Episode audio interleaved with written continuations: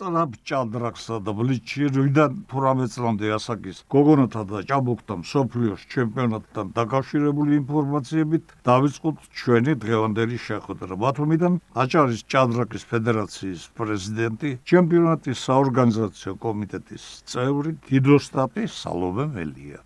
მოგესალმებით რადიო მსმენელებს, ჭადრაკის მოყვარულებს. ბათუმში ყოველწლიურად იმართება მაღალი რანგის ღონისძიებები და წელსაც მასპინძლობთ ახალგაზრდებს. პარალელურად იმართება ჩემპიონთა მატჩი, რომელშიც მონაწილეობას ღებულობს 4 მანდილოსანი, უკრაინისა და საქართველოს ქალთა ნაკრების წევრები, ანა და მარია მუზიჩუკი, მერი არაბიძეს და ნინო ბაციაშვილს ეთამაშებიან. სოფლიო ჩემპიონატზე ახალგაზრდებს შორის 35 ქვეყნის 459 სპორტსმენი არის წარმოდგენილი. აზერბაიჯანი, სომხეთი და ის წამყვანი მონაწილე სპორტსმენები, რომლებიც ტრადიციულად იმარჯვებენ ხოლმე თურქებსაც ლიერი სპორტსმენები ყავთ ინგლისიდან არიან ჩამოსულები, ევროპის ქვეყნებიდან და ქართველებთან ერთად ლიდერობენ მიმდინარე ღონისძიებაში. ასევე გამართება მსოფლიო ჩემპიონატი კომპოზიციების ამოხსნაში, რაც ნიშნავს საჭადრაკო ეტიუდების ამოხსნას და სპორტსმენებს შესაძლებლობა ექნებათ მანდაც მიიღონ მონაწილეობა და გამოცადონ თავიანთი ძალა. გულშემატკივრებთ აქვს შესაძლებლობა 3 საათზე კადეტთა ჩემპიონატზე ტურის დაწყებამდე ესტუმრონ სპორტსმენებს, გადაიღონ მათთან სურათი, დაესწრონ პარტიის დაწყებას 3 საათზე კი შემდეგ მხოლოდ საჯები რჩებიან საწადრაკო დარბაზში. რაც შეეხება ქალთა მატჩს, ყოველდღიურად შესაძლებელი არის გულშემატკივრების მიღება. ძალიან ბევრი ახალგაზრდა მოდის თავიდან ბოლომდე უყურებენ და არჩევენ ყველა პარტიას, ასევე პარტიები გადაიცემა ლაივში, ვიდეო ტრანსლირება ხდება პარტიების გაშუქებაც და ყველა საქმე შესაძლებლობა რომ მიადევნოს თვალი ამ მნიშვნელოვან ღონისძიებას. ძალიან ბევრი ახალგაზრდა არის ბაღის და სკოლის ასაკის დაინტერესებული ჭადრაკის და მინდა ყველას უსურვო სპორტული მხნეობა და წარმატებები პროფესიული თვალსაზრისით. სოფლიო ჩემპიონატის პარტიები იმართება სასტუმრო ეიფორიაში ყოველდღიურად 3 საათიდან. ჩემპიონთა მატჩის პარტიები კი მანდილოსნები თამაშობენ სასტუმრო ლეგენდაში ყოველდღიურად ისინიც შუადღის 3 საათიდან. აქვე გეტყვით სასიხარულო ამბავს გამოცხადდა უკვე ტენდერი ბათუმის ჭადრაკის სასახლის პროექტთან დაკავშირებით და აჭარაში სულ ცოტა ხანში უახლოეს ორ წელიწადში აშენდება ულამაზესი ჭადრაკის სასახლი დღევანდელ მიმოხილვას ფეხბურთით გავაგრძელებთ. თქვენ იცით რომ ჩვენს ნაკრებ გუნდებს მალე რთული მატჩები ელოდებათ. ხანგრძლივი პაუზის შემდეგ განახლდება ეროვნული ჩემპიონატი, რომელიც საინტერესო მატჩებით გამორჩეულია. ლიდერობის მსურველი გუნდების რაოდენობაც გაიზარდა და მათ შორისაა წყალტუბო სამგურალი, რომლის მთავარ მწვრთნელს გიორგი ჩელიძეს ხანგრძლივი აქტიური საფეხბურთო კარიერაც ჰქონდა და მისი ახლანდელი სამწვრთნელო პერსპექტივებიც დამაიმედებელია. მესამე ადგილზე დავამთავრეთ პირველი წრე, ჩემთვის ძალიან სასიხარულოა, ძალიან მაყოფილი ვარ ბიჭების შრომით, მომზადებით, საქმესადმი მიდგომით და საერთო ჯამში აისახა ეს შედეგზე, იმიტომ რომ ყოველთვის ქონდა წყალდობო სამგურას ტრადიცია, რომ მაღალი მიზნებისთვის ებრძოლა და ჩვენც წელს რაც ქონდა მიზანი პირველი წრის მაღალ მიზნებთან ახლოს ყოფნა, დავამთავრეთ მესამეზე და ჩვენ გადებითად შევაფასებ ამ პირველ წრეს. მიუხედავად იმისა, რომ ჩემი მუშაობა ფაქტიურად 5 თვე არის რაც გუნდში მუშაობ, მე დახვდა ფეხბურთელები, რომელიც იყვნენ გუნდში არანაირი უფლება არ მქონდა რომ ეს ფეხბურთელი ბოლომდე არ მენახა. იყო რამოდენიმე ფეხბურთელი, რომელიც კმაყოფილი ვარ, რომელიც უკმაყოფილი ვარ ფეხბურთელებით, ეს ჩეულებრივი დინამიკა არის ფეხბურთის, მაგრამ საერთო ჯამში გუნდიც ძალიან კმაყოფილი ვარ შედეგიდან გამომდინარე. ნუ რაც შეეხება ახლა დასვენების დღეებს, ორი კვირა გაუშვით გუნდი დაისვენებთ, 21-ში დავიწყებთ შეკრებას ადგილობ ხალტუბოში და დავიწყებთ მომზადებას. 6 ფეხბურთელი ჩვენ არის ნაკრებში გამოძახებული, 5 არიან საქართველოს 21-ლამდე ნაკრებში, ერთი კიდე არის ტაჯიკეთის ნაკრებში გამოძახებული და ექვსი ფეხბურთელი გვაკლია ამ ეტაპზე. რა შეეხება ჩვენ გეგმებს, აუცილებლად ვაპირებთ ერთილოვან სელექციას რამოდენიმე ადგილზე, გავივლით კლუბის ხელმძღვანელობასთან ერთად და საერთო ჯამში შევივსებით ჩემი აზრით უფრო გავძლიერდებით შემდეგი წლისთვის. წყალტუბოდან ქუთაისში გადავინაცვლოთ და ტორპედოს სპორტულ დირექტორს, ცნობილ ჟურნალისტს ლაშა დვალიშვილს მოусვინოთ.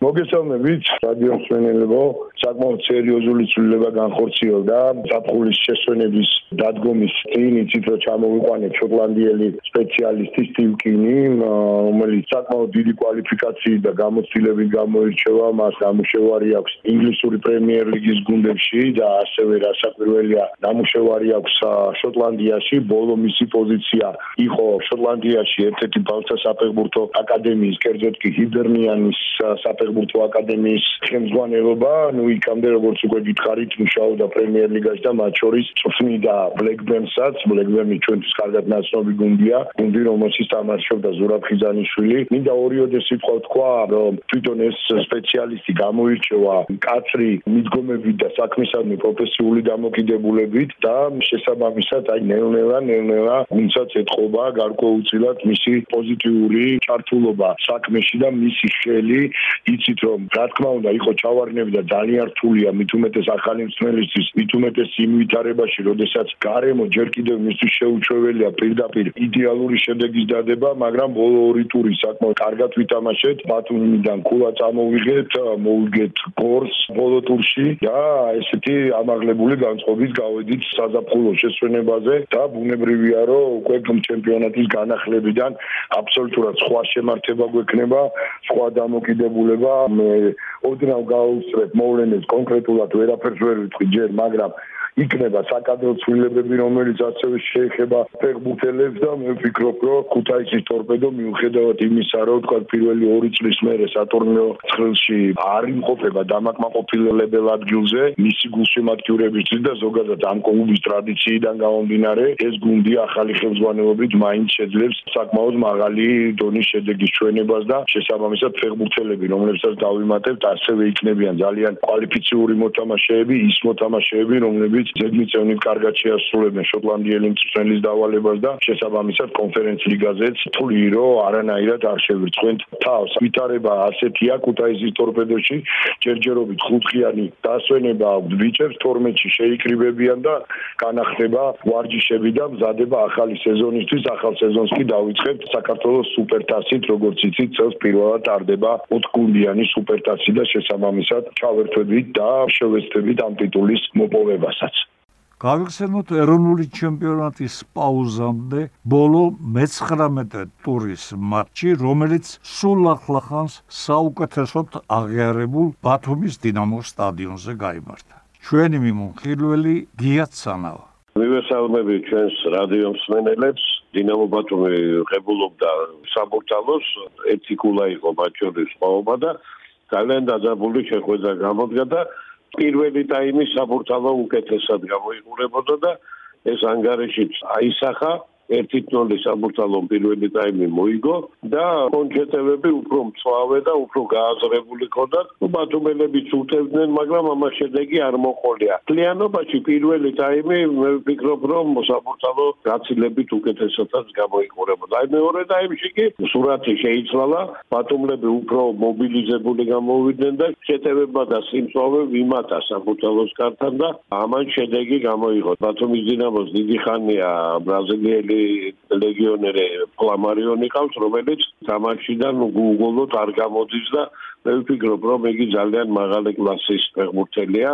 და დაბაჭიც მან გამოავლინა თავისი კლასი და მართლაც საუცხო ამაზე გოლი გაიტანა თავით დასრებაზე არც თუ ისე ადვილი ბურთი იყო შესაძლებად და მან ძალიან კარგად შეასრულა და განგარიში გათანაბრდა ხოლო შემდეგ როცა ბათუმა გააგზელა შეტევები მოხდა შეცდომა მსველმა ვერ დაუბრუნა ზუსტად მეკარეს ბურთი და თავდასხმელმა დაასროლა იძულებული გახდა კოპატაძე შეეჩერებინა და დაინიშნა 11 მეტრიანი და 2-1 გამარჯვა ბათუმის დინამო, მაგრამ კიდევ ერთ რამეს აღვნიშნავდი, რომ დატანილი გოლის მერე ბათუმელებმა გააგრძელეს. შეტევა, თუმცა რამდენიმე კონჩეტევაც იყო ორივე მხრიდან და מחარებს, რომ ასეთი მაღალი კლასის გუნდები გამოჩნდა საქართველოში, საბურთალო არის ძალიან კაი გუნდი რაც თავარია მას ეთყობა თნების ხელი. ფეხბურთელები საოცრად შეთამაშებული, საოცრად კარგად უგებენ ერთმანეთს და თუ ამ ბილდს საბურთალო შეინარჩუნებს მოგესწრებათ ახლა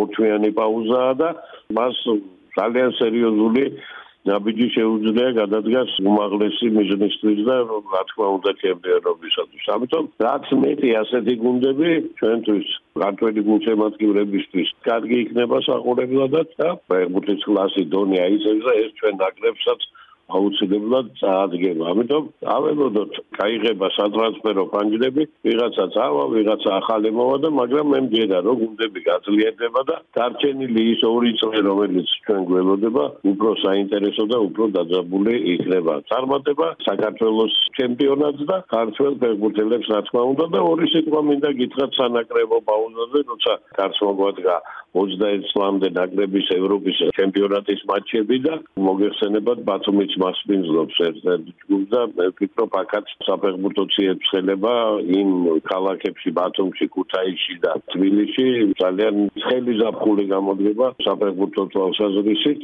მე წავიკითხე შემადგენლობა და როგორც დიდი ნაკრები დიდ ნაკრებსაც თამაშები აქვს, ასევე ახალგაზრდა ნაკრებსაც საუცხოო შემადგენლობა და ერთხელ კიდევ დარწმუნდა, რომ გადავხედე, ათლა кайფეგბურთე ფეხბურთელები ყავს და თაობა მოდის შესანიშნავი და ამის ხელიდან გაშვება არაფრით არ შეიძლება. ჩვენ უნდა დავისახოთ მხოლოდ და მხოლოდ წინ და წინ და მაღალი მიზნები იმიტომ რომ აი ეს ფეხბურთელები და აი ეს შემადგენლობა ვინც ახლა საქართველოსში თავი მოიყარა ხელეწებებად რომ ქართულ შემოადგენლად დიდი სიხარული მოუტანო. ამიტომ დაველოდოთ წარმატება უსურვოთ კიდევ ერთხელ ქართულ ფეხბურთელებს, ზოგადად ქართულ სპორტსმენებს და მოეთმაკნას რომ 21 წლამდე ჩემპიონი ჩვენი ნაკრებისთვის ტრიუმფალური აღმოჩნდეს. ეროვნული ჩემპიონატის განახლებამდე და შემდეგაც ყველა გუნდის წარმომადგენელს მოусმენთ ჩვენს ყოველკვირეულ მიმოხილვაში. ახლა დავიმშვიდობოთ ერთმანეთს ჯანმრთელობას და ჩემპიონთა ლიგის ფინალში საინტერესო სანახაობას გისურვებთ